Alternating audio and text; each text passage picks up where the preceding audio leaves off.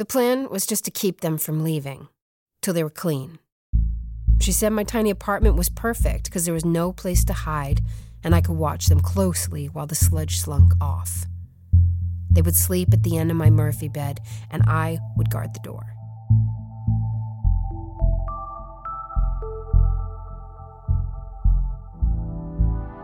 And when they first crept up the back staircase and set down the duffel and piles of blankets, I felt like a hero. And that first night, as they both took their last hit, talking the whole time about how good being clean was going to feel, their love was noxious and totally intoxicating. I watched them like a television show. I said I would do it because I wanted to help them, but the truth was, they were the only people I had. And if I was needed, I'd be kept.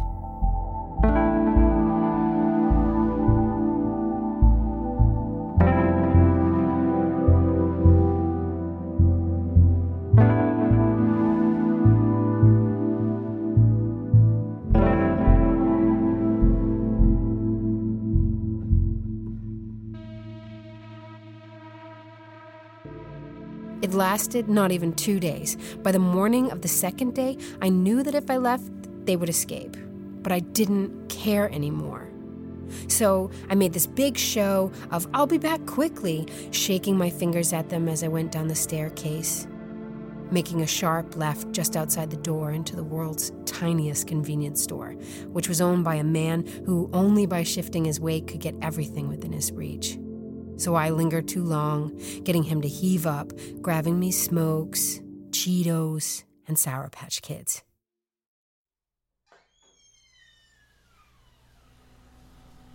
When I got back up, the door was ajar, and the patch pipe that led to the sink had been cut. In all their junk wisdom, they thought a delay was in order, that I would catch them, make them clean up. I should have left the damn door open and said, Run, it's your chance. I don't give a fuck. But I didn't, and now water fills the room. So I run, grabbing the heaps of blankets left behind, and I push them to form this wall, but it does nothing. And all my shit is strewn across the room. Their bag is slumped and sad and sucking in all the water within its radius. The door pops open without a knock, and he pushes his way past me, cane in hand, stuck in the air, ready for attack. His crisp white t shirt and thick paint caked dickies, with his tool belt cutting into his side. Slinging one leg up the step into the bathroom and using his cane to push the rest of his girth up. Like a gunslinger, flipping tools with thick fingers, and in two quick movements, the water stops.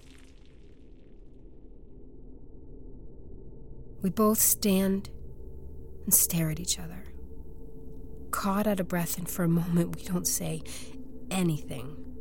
But his face begins to draw red.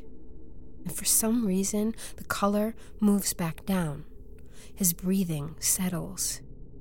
And a single strand of hair from his comb over falls directly across his fright, bright blue eyes.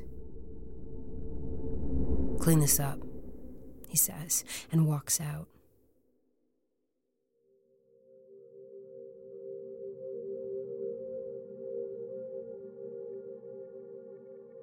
When Steve handed me the keys to this place, he said only one thing just be sure the super doesn't see you.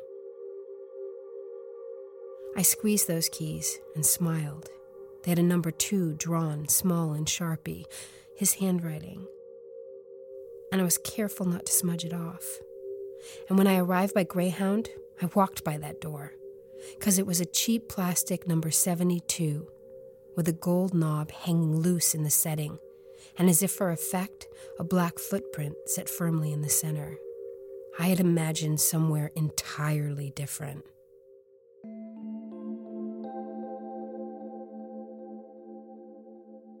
I hear something after about 15 minutes of hauling stuff out the window onto the tar paper roof, and I'm scared that it's the super again. So I carefully look out the peephole, and there's no one. I open the door a bucket, a squeegee, and a stack of old t shirts with a small square of paper written in careful cursive Come to my place when you're done. Apartment 1B. Mel Gleason, the super. Written in block letters. I bring the bucket in and set to work.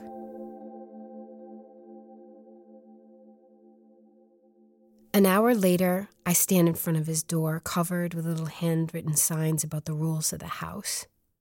I look at the peephole, and I have that feeling like someone's already on the other side. But when I press into the little soft plastic buzzer and the MIDI version of the Dukes of Hazzard tune plays, it takes ages for him to answer. And when he does, his smile is big, sincere, but hungry. He raises his hands high, holding his fingers together at the tips, gesturing like a symphonic conductor, ushering me in. Come in, come in, join the party, he says, pushing me forward.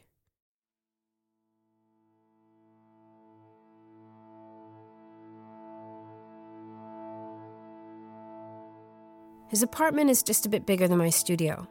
The first room, a simple single bed with a carefully folded blue knitted throw and in the other half, a table in the window with two chairs. There's a radio with a simple tape deck and shelves lined with hundreds of different kinds of pipes. He tells me to take a seat at the window. Beer or Rhine wine? he asks from the kitchenette. Beer, I say. He sits across from me, pushing it over in a cozy that reads Boss Hogg, with a fat man laughing, gut hanging out.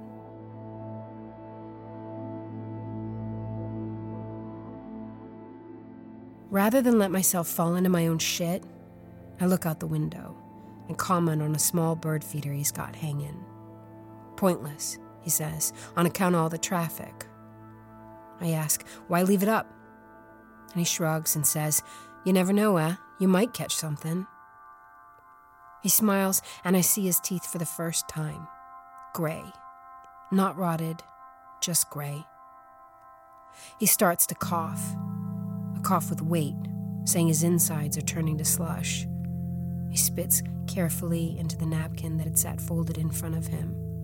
And out pursed lips, he breathes slowly, really, really slowly, trying to calm his guts down so they don't drown him. He wipes his eyes. You're beautiful, you know. A young Shirley MacLaine he says, raising his arms and waving his hands, suddenly delighted. I look back out the window at the cracked plastic bird feeder, drink my beer, and commit.